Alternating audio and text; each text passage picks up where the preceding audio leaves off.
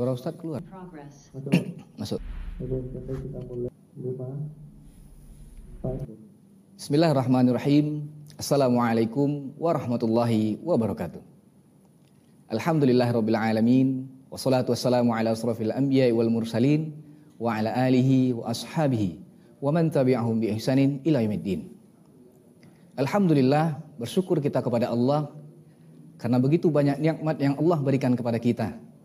Sehingga alhamdulillah hari ini kita masih bisa bernafas, masih bisa menuntut ilmu dan banyak nikmat lagi yang Allah berikan kepada kita. Dan jika kita menghitung nikmat dari Allah maka sungguh kita manusia tidak akan pernah sanggup dan mampu untuk menghitungnya. Karena memang begitu besar dan luasnya nikmat yang Allah berikan kepada hamba-hambanya.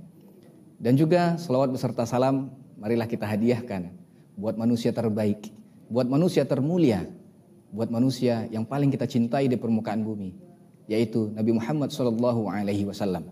Semoga dengan sering dan banyaknya kita bersalawat kepada beliau, semoga insya Allah nanti kita mendapatkan syafaat di umil akhir. Amin ya rabbal alamin. Baik, pemirsa channel Ustadz Maududi Abdullah yang hari ini menyaksikan kita live tentunya di Facebook, YouTube dan juga Zoom. Yang tentunya kita berdoa kepada Allah semoga Allah selalu memberikan kita taufik dan hidayah dan serta memberikan kita kekuatan iman terutama di zaman yang sekarang ini. Dan alhamdulillah kita bersyukur kepada Allah karena pada hari ini kita akan belajar lagi. Lagi-lagi Allah memberikan kita kesempatan untuk terus menuntut ilmu, tentunya ilmu syar'i. Yang hari ini kita akan belajar tentang potret istri ideal. Dan tentunya ini diselenggarakan oleh Jemaah Majelis Taklim Itiba Kebayoran Lama Jakarta Selatan. Hari ini kita akan belajar tentang potret istri ideal Bagaimana sebenarnya istri yang ideal di dalam Islam? Tentunya kita akan belajar dari guru kita, yaitu Ustazuna Maududi Abdullah LC Hafizahullah.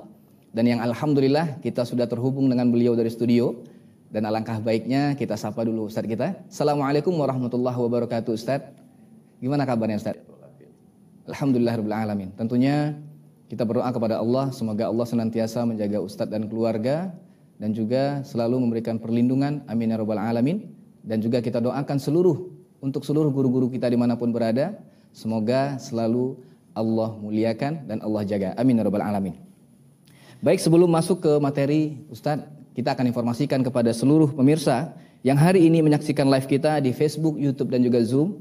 Itu akan insya Allah nanti akan ada sesi tanya jawab di 30 menit akhir insya Allah. Yaitu bisa bertanya itu langsung ke via WhatsApp saja. Jadi hanya via WhatsApp saja. Tentunya ke nomor 0822 500 00381. Sekali lagi 0822 500 00381.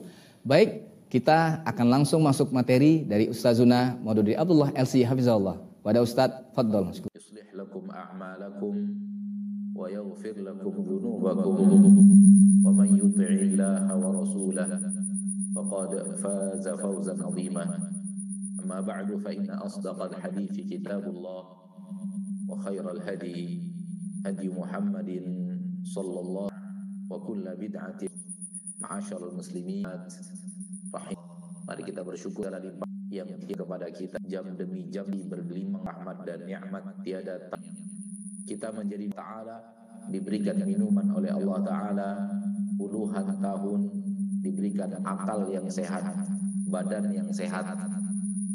Tidakkah semua ini anu dan cara mensyukur untuk sesuatu yang Allah ridho. Dusta orang yang pandai bersyukur mengatakan manakala syukur dengan mengucapkan alhamdulillah. Namun akan lebih jelas dalam pelaksanaan salawat dan salam kepada yang telah tak ada satu yang Bukan hanya itu, Rasul juga menerangkan tidak ada satu.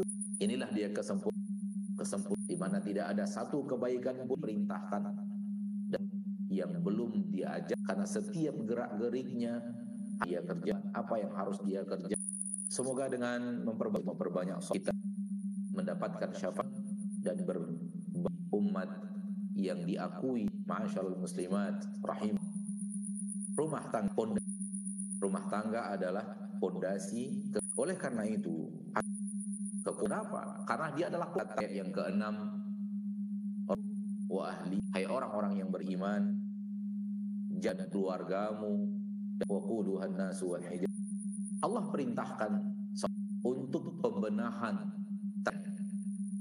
disebut kenapa kita mengatakan bahwa rumah karena pembenahan perbagama kita itu dimulai dari yang terkecil dan apabila kita melihat dakwah Rasulullah kita akan menemukan pembenahan dan itu dimulai dari individu yang masing-masing kita adalah individu. Nah, perbaikan di bentengi diri apabila bertemu bersatu dengan yang lain yang membenahi dirinya akan terbentuk, terbentuk komunitas orang-orang yang akan terbentuk yang diridhoi dan itu yang kemudian Allah menyertakan satu lagi. Anfusakum dan disebabkan ke akan dimintai pertanggung jawab tangga diwajibkan untuk mem Apabila satu keluarga bertahi dirinya, kemudian ber, bertambah akan terbentuk sebuah sebuah negara. Menjadi sebuah lihatlah. Rasulullah di kota Mekah ditawarkan untuk menjadi pemimpin. Kalau tidak terbukti bahwa Rasul kita tercinta Muhammad sallallahu alaihi wasallam justru Quraisy untuk menjadi namun Rasul terus memberikan mengajak kaum muslim untuk melakukan perbaikan dan pembenahan dan setiap yang Islam menguasai dunia. Pertemuan ini adalah pentingnya bagi kita untuk peduli kepada rumah tangga kita. Kalau kita ingin kejayaan kalau kita kita perbaikan negara kita hal yang paling kita perhatikan. Bayangkan kalau kita yang hadir semua kita melakukan pembangunan rumah tangga kita akan terbentuk akan terbentuk sebuah komunitas yang Allah ridho. Dan kalau adanya sama majelis taklim akan akan terbentuk sebuah menghindari maksiat kepada sangat, sangat di sisi lain iblis juga sangat ingin menghancur karena iblis tahu kehancuran rumah tangga seorang muslim memutus pasukan-pasukannya untuk merusak mengajak manusia berbuat maksiat dan membuat hancur. Ketika ada yang menggoda seseorang sampai dia meminum yang lain mana? Engkau belum lakukan. Ma fa'alta syai'an. Ketika yang datang mengatakan saya berhasil merusak rumah tangga hancur oleh iblis dengan tentaranya itu didekatkan dan di ini menunjukkan bahwa iman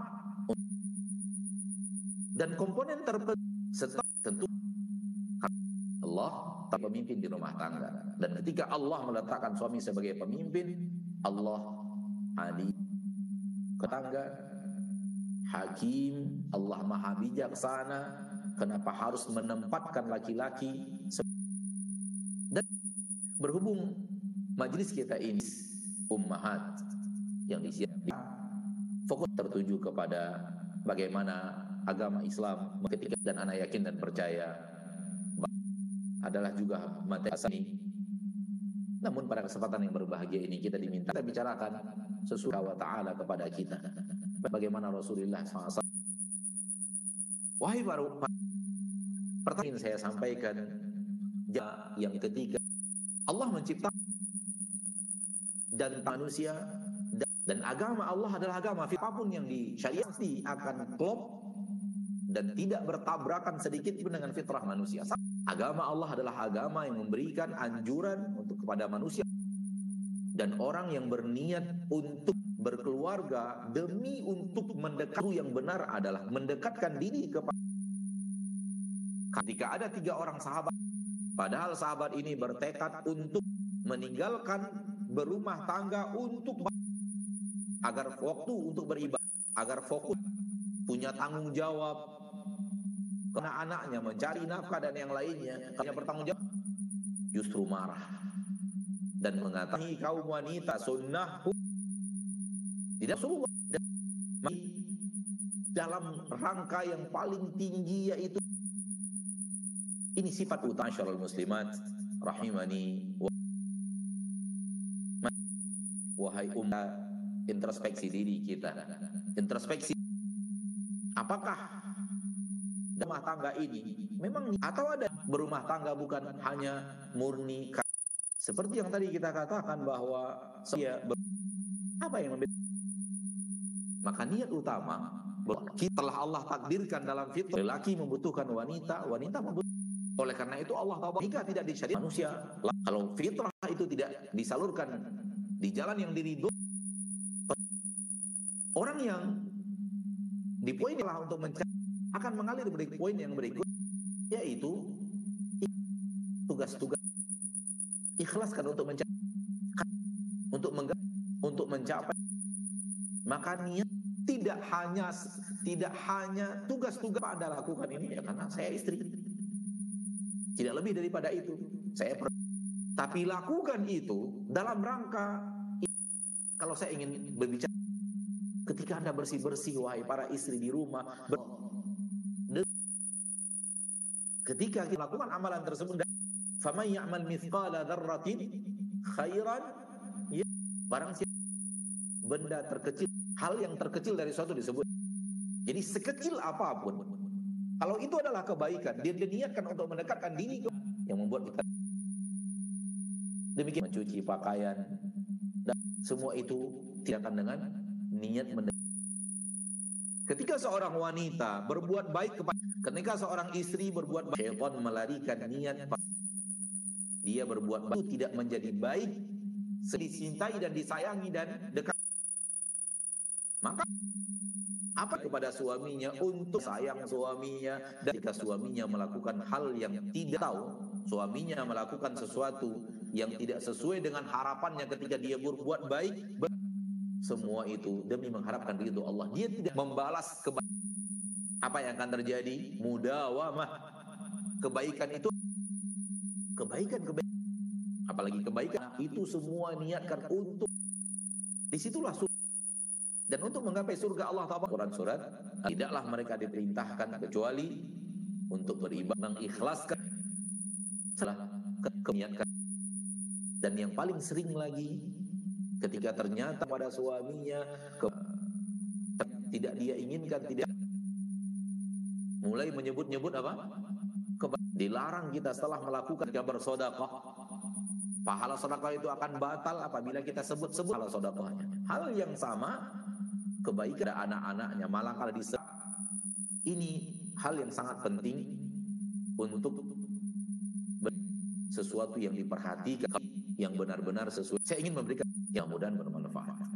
Wah istri bukankah tujuan hidup? Maka kejarlah surga kau tidak mendapatkan balasan yang baik.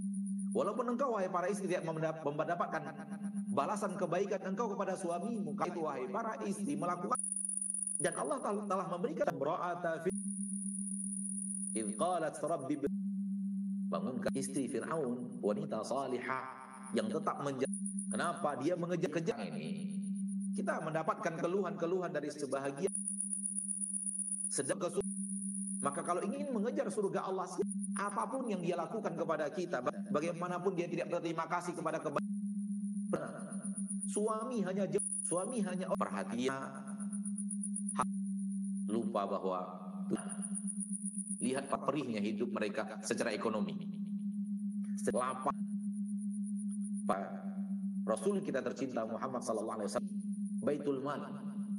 Harta Baitul Mal ada akan tetapi apa yang membuat mukminin bertahan ber, beribadah kepada rumah Rasul semenjak kapan engkau bertahu Ummu Salamah saya selesai kebiasaan ini justru berumah tangga itu untuk dari setelah sedikit.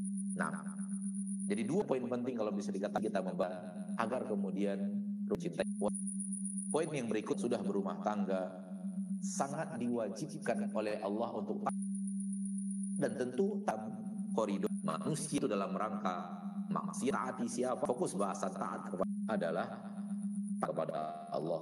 Dan sehingga benar memberikan dan itu ibadah antara ibadah. Diperintahkan Allah untuk melakukan ini mencurahkan aneka ragam kebaikannya kepadanya sehingga tercipta keseimbangan ini. Sering sekali kalau kita di hadapan dan kita ketaatan kepada seolah-olah kita membela kondisi ketika kita berbicara kepada kaum wanita kepada wanita disuruh kepada kaum dan sayangi kalau engkau adalah orang yang berakhlak baik, akhlak baikmu yang terbaik dengan perusahaannya. Dan dalam hadis yang sahih Rasulullah SAW bersabda tentang kaum laki-laki, khairukum khairukum li ahli. Yang terbaik dari kalian wahai kaum. Wahai kalau kita akan berbicara bahwa perintah pada memaksimalkan keba tindakan kebaikan atau akhlak budi pekerti kebaikan kepada istri. Kalau engkau memang orang yang sabar yang pertama kali, kalau engkau adalah orang yang dermawan yang paling mendapatkan kedermawanan paling tinggi, maka untuk kaum muslimat perintah yang sangat ditekankan dalam agama Islam menjadi seorang istri adalah istri yang patuh dan taat sampai-sampai dijadikan yang bergandengan dengan kewajiban untuk mendapat hadis yang sahih Rasulullah SAW bersabda, "Idza sallatil mar'atu lima waktunya." Telah berpuasa bulan Ramadannya. Wa hafizat farjaha dan apabila seorang wanita telah menjaga kehormatannya dan kemaluannya dan tidak melakukan perzinaan. Ini kewajiban kewajiban kewajiban menjaga kehormatan dan kemuliaan dirinya sebagai seorang suami sebagai seorang istri ini tiga-tiga kewajiban ini digandeng wa dan ta. Tiga kewajiban ditambahkan dengan ketaatan kepada. Ini menunjukkan besarnya perintah untuk taat sehingga digandeng dengan sholat, digandeng dengan puasa, digandeng dengan menjaga. Apa yang akan terjadi apabila seorang wanita melakukan perintah Allah Taala benar-benar taat kepada suami? Qilalah akan dikatakan kepadanya, udkhulil jannah, masuklah engkau ke dalam surga min haitsu abwabil jannati syi'ti. Dari pintu surga mana pun yang kau inginkan. Subhanallah. Sebuah ganjaran besar. Dan untuk melaksanakan sholat lima waktu insya Allah bukan pekerjaan yang kita lalaikan. Wanita muslimat, para istri, biiznillahi azza wa apalagi yang sudah dekat dengan agama Allah, sudah dekat dengan majlis ta'lim, sudah dekat dengan ilmu, maka sholat adalah sesuatu yang memang akan jadi, jadi fokus perhatiannya. Tidak akan dia lalaikan sholatnya. Demikian juga dengan puasa. Demikian juga menjaga kehormatan dirinya. Berarti penekanan khusus dalam hadis ini adalah yang terakhir. Ketaatan. Itulah yang poin yang sering terlalai. Sehingga di dalam hadis ini menjadi penekanan. Ketaatan kepada seorang istri kepada suaminya menjadi syarat untuk mendapatkan pintu surga dari mana pun. Subhanallah, pintu surga dia yang pilih. Dari pintu mana yang dia inginkan. Bukankah ini kemuliaan besar? Bukankah ini penghormatan besar dari Allah Taala, pahala dan ganjaran yang sangat besar? Dan ambil sebuah kaidah, masyaallah muslimin, masyaallah muslimat, sesuatu yang besar diberikan oleh Allah itu karena amalannya tak, tak gampang. Karena amalannya apa? Tak gampang. Tak akan diberikan ganjaran-ganjaran besar di amalan-amalan yang kecil. Karena itu amalan besar. Karena itu amalan sulit. Kaum laki-laki, kapan dijanjikan surga? Jihad. Wadir watu sana mihil jihad. Barang siapa yang berjihad, lalu dia wafat di atas jihadnya, wafat di medan jihad, membela agama Allah Taala, terbunuh, ditusuk, terpenggal kepalanya. Allah bukakan untuknya pintu surga untuk syahid. Wanita ketaatannya kepada suami. Sebagaimana beratnya jihad, juga akan terjadi beratnya melakukan ketaatan tersebut. Namun bagi orang-orang yang benar-benar ingin mencari surga Allah, ingin me mendapatkan kemuliaan di surga Allah dengan waktu yang sangat sedikit yang Allah berikan kepadanya di permukaan bumi ini, tentu dia akan melakukan perhatian yang luar biasa terhadap poin tersebut. Realita nyata dalam kehidupan berumah tangga, baik dari suami atau dari para istri, sering kita menemukan pertanyaan-pertanyaan yang menunjukkan ke arah ketidaktaatan itu. Ketidakpatuhan istri kepada suaminya atau istri yang melanggar apa yang diinginkan oleh suaminya. Dan ini terjadi, masyaallah muslimin, masyaallah muslimat. Seorang wanita muslimah yang diinginkan Allah tabaraka wa taala tidak apa pun yang diinginkan oleh suaminya selagi tidak di atas maksiat dan dia mampu mengerjakan dia tidak akan menolak. Apa pun yang dimintakan oleh suaminya selagi tidak maksiat dan pekerjaan yang mampu untuk dia lakukan dia tidak akan tolak. Sekali lagi saya mengatakan ini bukan bukan amalan kecil. Amalan besar terbukti dengan ganjaran besar yang Allah taala berikan bagi bagi seorang wanita muslimah yang melakukan itu. Dan saya juga ingin memberikan kata kunci semoga bermanfaat agar agar istri benar-benar berusaha bisa menjadikan suaminya selalu dia taat. Dan kata kunci itu ada dalam syariat Allah tabaraka wa taala Rabbul Izzati wal Jalal. Selalulah pandang suamimu lebih tinggi dari orang tuamu. Selalulah pandang suami itu lebih tinggi kedudukannya daripada orang tua. Kenapa sering sekali wanita muslimat, para istri melakukan nusyuz. Nusyuz adalah ketidakpatuhan dan ketidaktaatan kepada suami. Karena sering sekali dia memandang suaminya adalah tidak lebih tinggi daripada orang tua. Sering sekali dia memandang suaminya adalah partner hidup yang sejajar dengan dirinya. Di sini poin yang membuat ketaatan kepada suami sulit. Karena istri memandang suaminya sejajar dengan dirinya. Tidak lebih tinggi dari dirinya, apalagi lebih tinggi daripada orang tuanya. Di dalam agama Allah, Allah meletakkan suami Anda, wahai istri, bagi dirimu di atas orang tua. Di atas orang tua. Jadi ada engkau, di atas engkau ada orang tua, ayah dan ibu. Di atas ayah dan ibu adalah suami. Begitu kepada Allah tabaraka wa taala meletakkan posisi suami.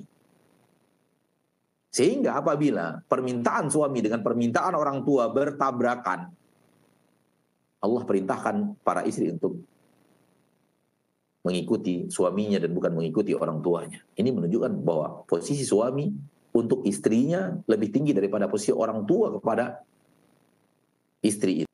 Dan ini harus selalu dihadirkan untuk menjadi obat nusyuz untuk bisa menjadi membuat kita mudah untuk taat terus dan taat terus dan taat terus. Lihatlah Anda wahai para istri kepada orang tuamu, bagaimana engkau kepada orang tuamu? Bagaimana kita kepada orang tua kita? Apakah kita berani marah-marah? Apakah kita berani mencak-mencak gitu? Apakah kita berani angkat suara? Itu orang tua, suami di atasnya. Kenapa? Terjadi poin-poin yang tadi, karena kita merasa selevel dengan suami kita. Saya dan dia satu, sama. Posisinya sama. Rekanan, partner hidup. Betul dia pasangan kita sahih. Kalimat yang tidak salah, pasangan hidup. Tapi pasangan dengan posisi seperti tadi. Tapi pasangan dengan posisi seperti tadi. Pasangan yang dia adalah pemimpin, yang kepemimpinan lebih tinggi daripada kepemimpinan orang tua kita kepada kita. Hadirkan itu selalu dia Allah telah jadikan pemimpin orang yang saya hormati lebih daripada kedua orang tua saya. Jadi dia bukan hanya oh, suami itu bukan hanya sekedar partner hidup, bukan cuma sekedar sahabat hidup. Ya. Sebagaimana yang ingin ditanamkan kepada kita oleh mereka mereka yang tidak beriman kepada Allah dan Rasul. Selalu menjadikan suami itu hanya partner hidup. Kita dengan dia memiliki hak yang sama, boleh sama-sama berhak, sama-sama berpendapat, sama-sama tidak suka. Tidak demikian di dalam agama Allah. Di dalam agama Allah tidak seperti itu. Betul dia adalah pasangan azwaj. Akan tetapi azwaj yang dia adalah pemimpin yang kepemimpinannya kepada diri kita di atas ayah dan ibu kita. Mudah-mudahan dengan menghadirkan itu maka gampang kita untuk mencapai ketaatan kepada suami itu. Perintahnya, perintah lebih lebih tinggi daripada perintah ayah dan ibu kita. Keinginannya adalah keinginan yang lebih tinggi daripada ayah dan ibu kita. Posisinya, haknya terhadap diri kita lebih daripada hak ayah dan ibu kita. Dan semua itu dalam langkah taat tadi. Kalau kita sudah sampai kepada itu, sampai kita kepada ketaatan. Sampai kita kepada ketaatan, sampai kita kepada ridho Allah yang luar biasa. Sampai kita kepada kemuliaan besar di sisi Allah tabaraka wa taala masuk surga dari pintu mana pun yang kita mau.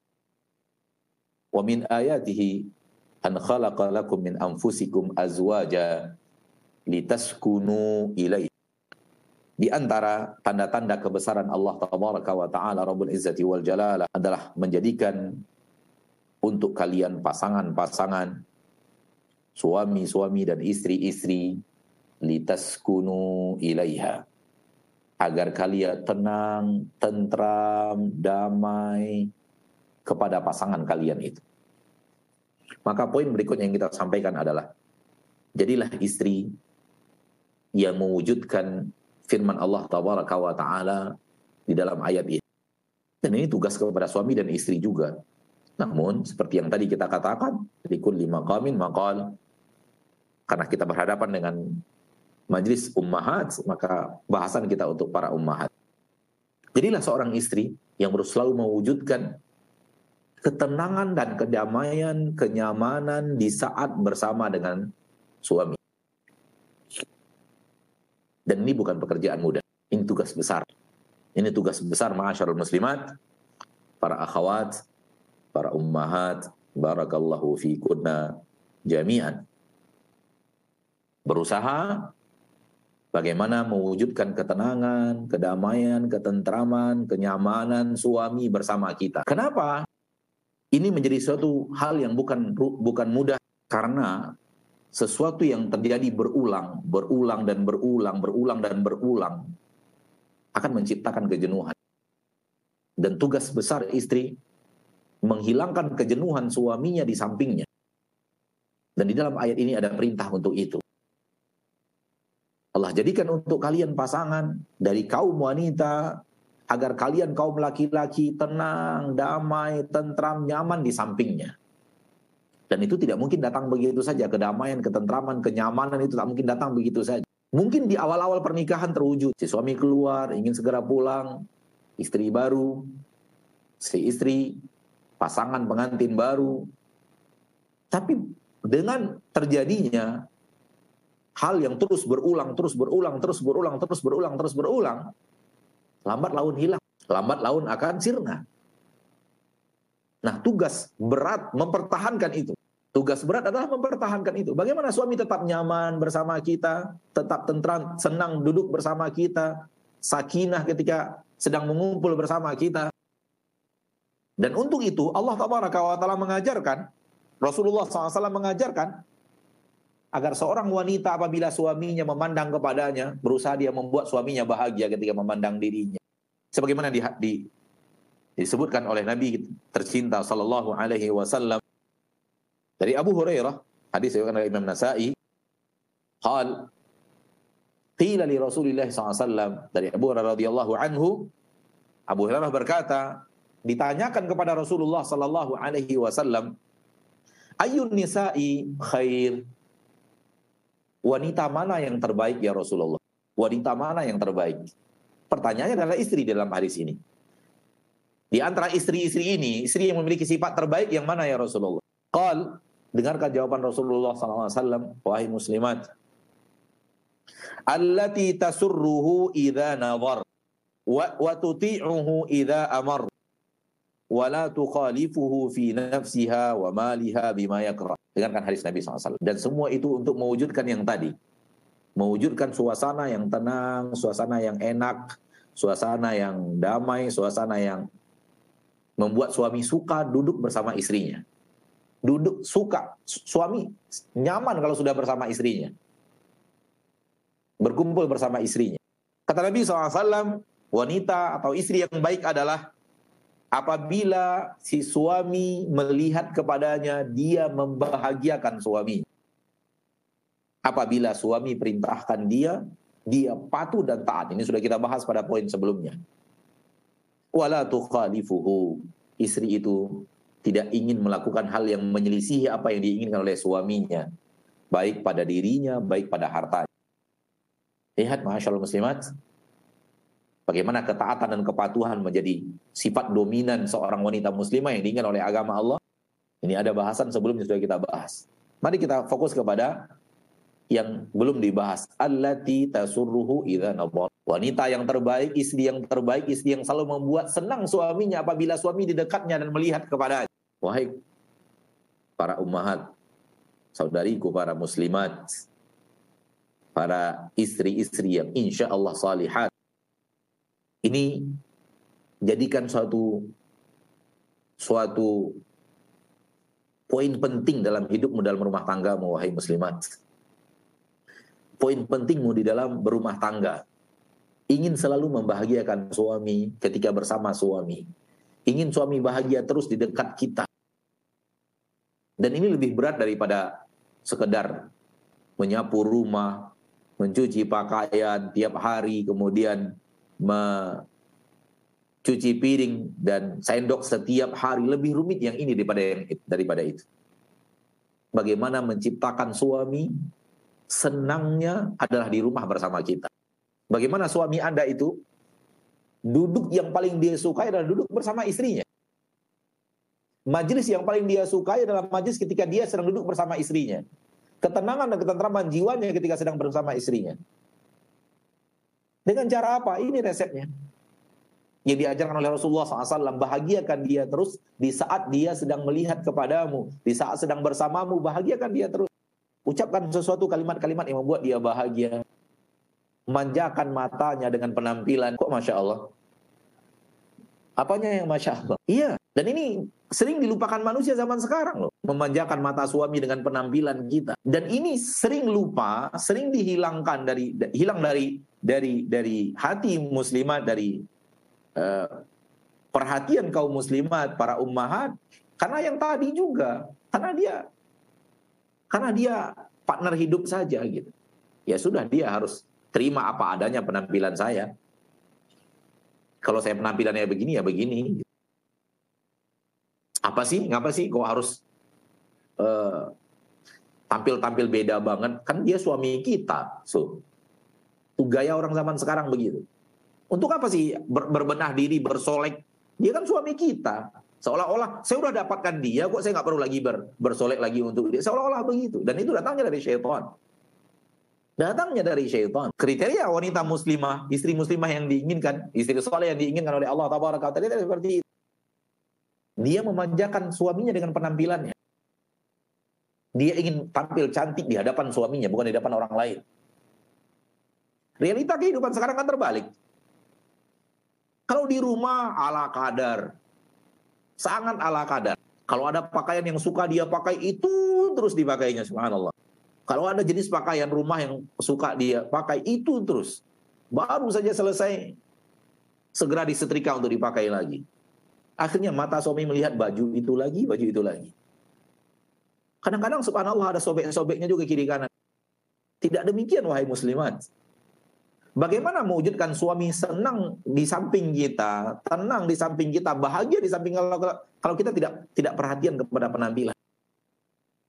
Terkhusus ya, terkhusus kepada yang suaminya bekerja di luar dan berinteraksi dengan wanita-wanita di luar, kalau dia tidak menemukan kecantikan dalam dirimu dan penampilan dalam dirimu, dia akan berbahaya di luar sana. Maka salah satu di antaranya adalah itu. Bertazayun. Seorang istri diperintahkan Allah, diperintahkan Rasulullah SAW untuk berhias. Menyambut suaminya pulang. Duduk bersama suaminya. Dalam bahasa kita, manjakan matanya. Manjakan hidungnya dengan aroma. Manjakan lisannya dengan makanan dan minuman yang dia sukai, manjakan telinganya dengan ungkapan-ungkapan kata-kata yang dia sukai. Ini semua masuk kepada allati tasurruhu idza nawar. Seorang istri yang selalu membahagiakan suaminya apabila suaminya melihat kepada dirinya. Jadi Allah taala memerintahkan seorang istri agar berperilaku seperti itu di rumah tangganya kepada suaminya. Kenapa? Karena istri adalah wanita benteng suami agar dia bisa bertahan di atas agama Allah. Kalau si istri tidak tidak berperan dengan peran yang baik, ada kemungkinan syaitan dengan mudah menggoda suami ini untuk menjalankan hal yang diharamkan Allah Rabbul Izzati wal Jalala. Oleh karena itu rumah tangga adalah benteng. Benteng seorang lelaki, benteng seorang wanita, maka hendaklah kita saling memperhatikan itu. Berikutnya di antara sifat wanita muslimat yang diinginkan syariat adalah wanita seorang istri yang sering minta maaf kalau berbuat suka minta maaf kalau berbuat salah.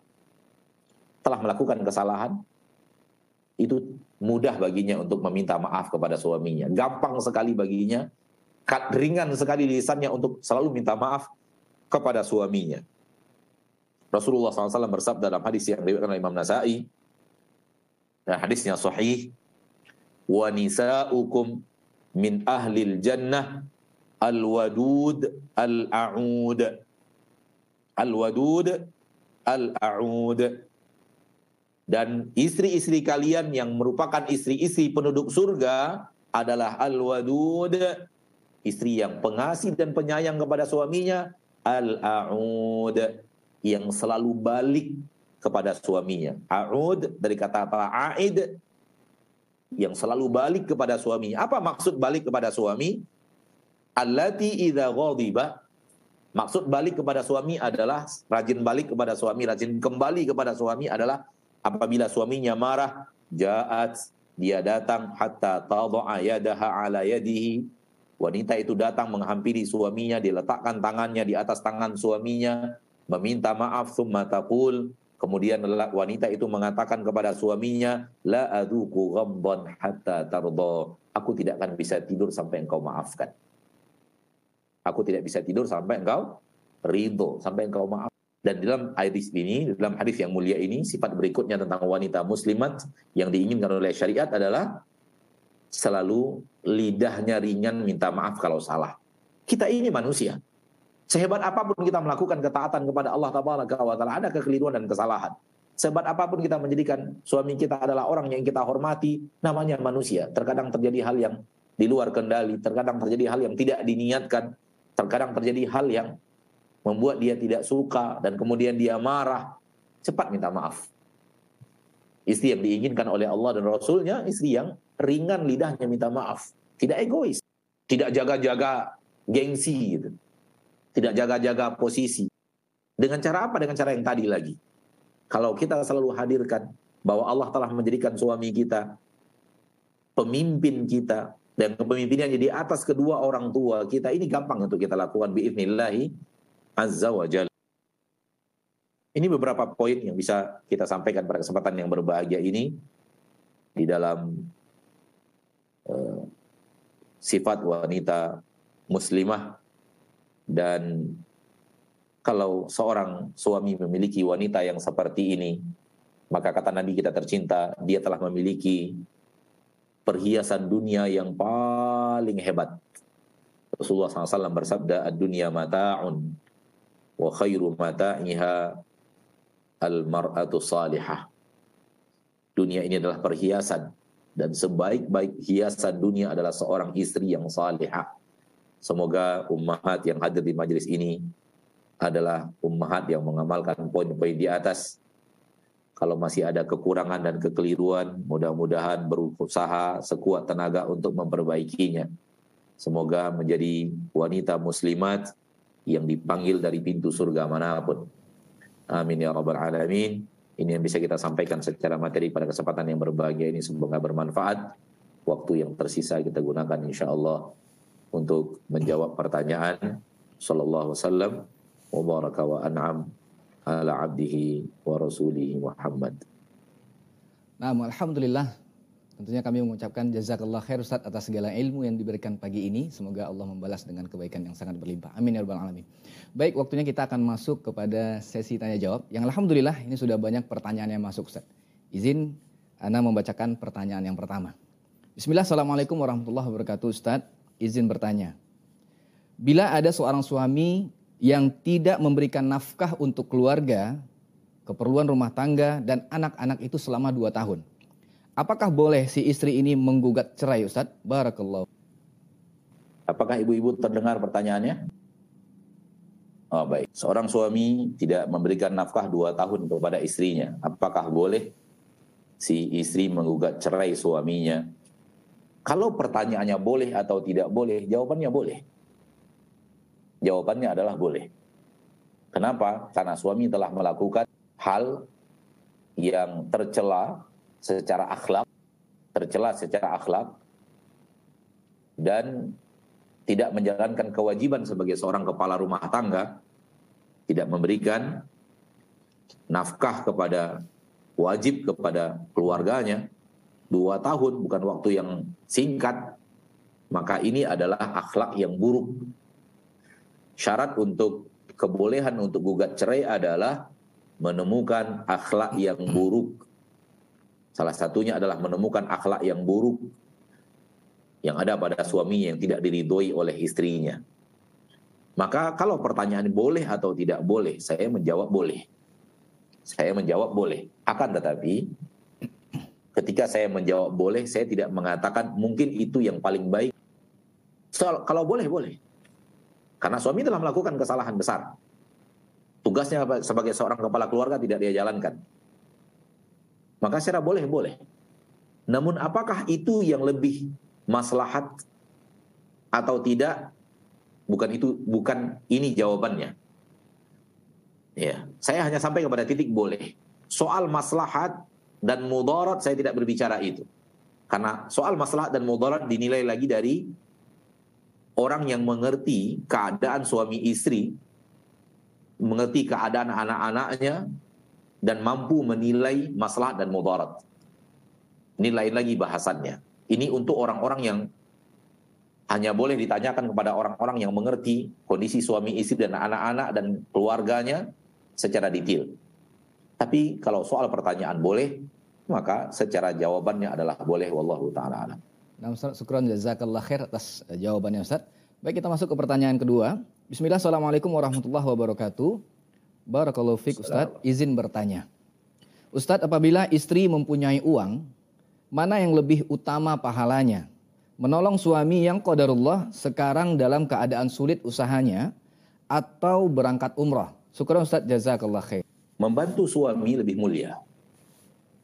Membantu suami lebih mulia dibanding dia beribadah berangkat umroh dengan hartanya sehingga dia bisa menikmati umroh dengan hartanya namun suami membutuhkan bantuannya yang tidak bisa dia penuhi maka membantu suami dalam hal ini lebih lebih mulia pada dasarnya ibadah pada dasarnya ibadah yang untuk diri sendiri ibadah yang bisa memberikan kebaikan ini kepada orang lain maka ibadah yang bisa orang lain mendapatkan kebaikan dari kita lebih mulia daripada ibadah yang untuk diri kita sendiri. Ini secara umum kaedahnya. Apalagi ini suami. Apalagi ini adalah suami. Dan salah satu sifat istri yang ideal dalam agama Islam adalah yang suka membantu dan meringankan beban suaminya. Yang salah satunya adalah yang suka membebankan ringan, meringankan beban suaminya. Wallahu taala alam. Jadi ada hadis dari Nabi kita tercinta sallallahu alaihi wasallam di mana seorang istri diperintahkan untuk meringankan beban-beban perkara-perkara suaminya baik perkara-perkara dunia atau membantu suaminya dalam perkara-perkara agama. Wallahu taala alam. Nah Ustaz Sukron jazakallah khair atas jawabannya Ustaz. Baik kita lanjut ke pertanyaan berikutnya. Alhamdulillah banyak pertanyaan yang masuk hari ini. Bismillah, Assalamualaikum warahmatullahi wabarakatuh Ustaz. Insya Allah Ustaz keluarga serta kaum muslimin di mana pun berada selalu dalam lindungan Allah dan sehat walafiat. Amin. Izin bertanya Ustadz, apa parameter minimal taat kepada seorang suami? Sementara kita sudah merasa taat, akan tetapi di mata suami itu belum taat. Karena memang suami baru belajar menuntut ilmu. Jazakallah khair. Taat kepada suami poinnya dua. Pertama, perintah suami tidak bertabrakan dengan syariat Allah. Yang kedua, perintah suami sesuatu yang bisa kita lakukan. Sesuatu yang bisa kita lakukan. Manakala perintah suami adalah sesuatu yang tidak bertabrakan dengan syariat dan itu bisa kita lakukan, maka di sana kita wajib taat. Di sana kita wajib taat. Jadi lihatlah apa yang diperintahkan oleh suami kita Pertama, dia tidak bertabrakan dengan syariat. Kedua, kita sanggup melakukannya. Dia memerintahkan sesuatu yang kita bisa lakukan. Maka di situ wajib taat. Manakala ada hal-hal yang dalam hal masuk ke dalam dua dua nih, poin ini kita tidak lakukan dari apa yang diinginkan suami, maka di situlah kita memiliki cacat di dalam ketaatan kepada suami, memiliki kekurangan di dalam di dalam ketaatan kepada suami kita. Wallahu taala. Nah. Baik, kita melanjut ke pertanyaan berikutnya Ustaz. Bismillah, Assalamualaikum warahmatullahi wabarakatuh. Izin bertanya Ustaz, bagaimana bila seseorang suami yang sibuk terus bekerja sehingga sangat kurang perhatian kepada keluarga, istri dan anak-anaknya. Sudah diingatkan tapi tidak juga pernah berubah. Apa yang harus dilakukan oleh seorang istri Ustaz? Syukron jazakallah khair. Manakala saudari kita yang bertanya, mendengarkan apa yang kita sampaikan tadi, maka di jawabannya ada di dalam materi yang kita sampaikan tadi. bahwa tujuan utama seorang wanita berada di rumah tangga mengejar surga Allah. Mengejar ridho Allah Subhanahu wa taala Rabbul Izzati wal Jalal. Maka kondisi yang terjadi pada dirinya seperti yang tadi ditanyakan cara untuk cara untuk mendekatkan dirinya kepada Allah dengan cara bersabar. Mencari ridho Allah mendekatkan diri kepada Allah dengan kondisi di mana mendapatkan suami yang sangat sibuk sehingga menurut dia suaminya kurang perhatian ke kepada keluarganya, dia bersabar atas itu. Dan dia telah menasihati suaminya namun yang namanya nasihat itu tidak sampai kepada titik orang yang dinasihati harus berubah ketika dinasihati tidak. Dan kekurangan suaminya datang ke rumah karena kesibukan tidak menghalanginya untuk mengejar surga Allah Subhanahu wa taala. Dia bisa menyibukkan dirinya dengan ketaatan-ketaatan. Bisa menyibukkan dirinya dengan belajar ilmu agama. Bisa sibukkan dirinya dengan menghafal Al-Quran. Bisa menyibukkan. Kalau dulu di zaman Nabi kita tercinta, para sahabat sekali pergi berdagang tiga bulan, empat bulan baru pulang. Dan mungkin yang saudari kita yang bertanya, suaminya lebih lebih banyak di rumah dibanding para sahabat yang pergi berbulan-bulan baru pulang pulang ke rumah. Apa yang dilakukan para istri, para sahabat? Yang per, suaminya pergi berdagang, pergi berjihad, ya ber, ber, berbulan-bulan pergi berjihad di jalan Allah tabaraka wa taala rabbul izzati wal jalal. Kenapa mereka tidak memiliki keluhan seperti keluhan kita? Karena mereka mengerti bahwa tujuan hidup mereka, tujuan berumah tangga mereka, pekerjaan rumah tangga mereka adalah dalam rangka ketaatan kepada Allah, memperbanyak taat kepada Allah, memperbanyak mendekatkan diri mereka kepada Allah Rabbul Izzati wal Jalal. Nah. Nah Ustaz, kita masih ada satu pertanyaan lagi insya Allah di pagi ini. Bismillah, Assalamualaikum warahmatullahi wabarakatuh Ustaz. Ana mau bertanya. Ana memiliki seorang suami yang sangat temperamental. Gampang sekali malah suka memaki-maki saya. Bahkan suka mengancam dan pernah mengatakan akan membunuh saya dan itu dikatakan juga kepada anak-anak saya. Suami saya juga tidak pernah lagi untuk tidur seranjang dengan saya, walaupun kami tidur satu kamar. Pernikahan kami sudah 18 tahun Ustadz. Kalau saya minta cerai, suami saya berkata saya akan berdosa dan tidak akan mencium bau surga. Suami saya orangnya suka pulang malam dan pernah satu saat saya mengomel Ustadz. Kemudian mulut saya akhirnya berdarah dibuat oleh suami saya. Pertanyaan saya, apakah saya berdosa Ustadz? Hati saya sudah tidak nyaman, ketakutan dalam hati. Kalau berdua suami mental saya akan kena. Saya bertahan karena anak-anak. Syukron Ustaz atas jawab. Pertanyaan ini mirip dengan pertanyaan pertama. Ya, mirip dengan pertanyaan pertama secara makna dan jawaban kita sama dengan pertanyaan pertama.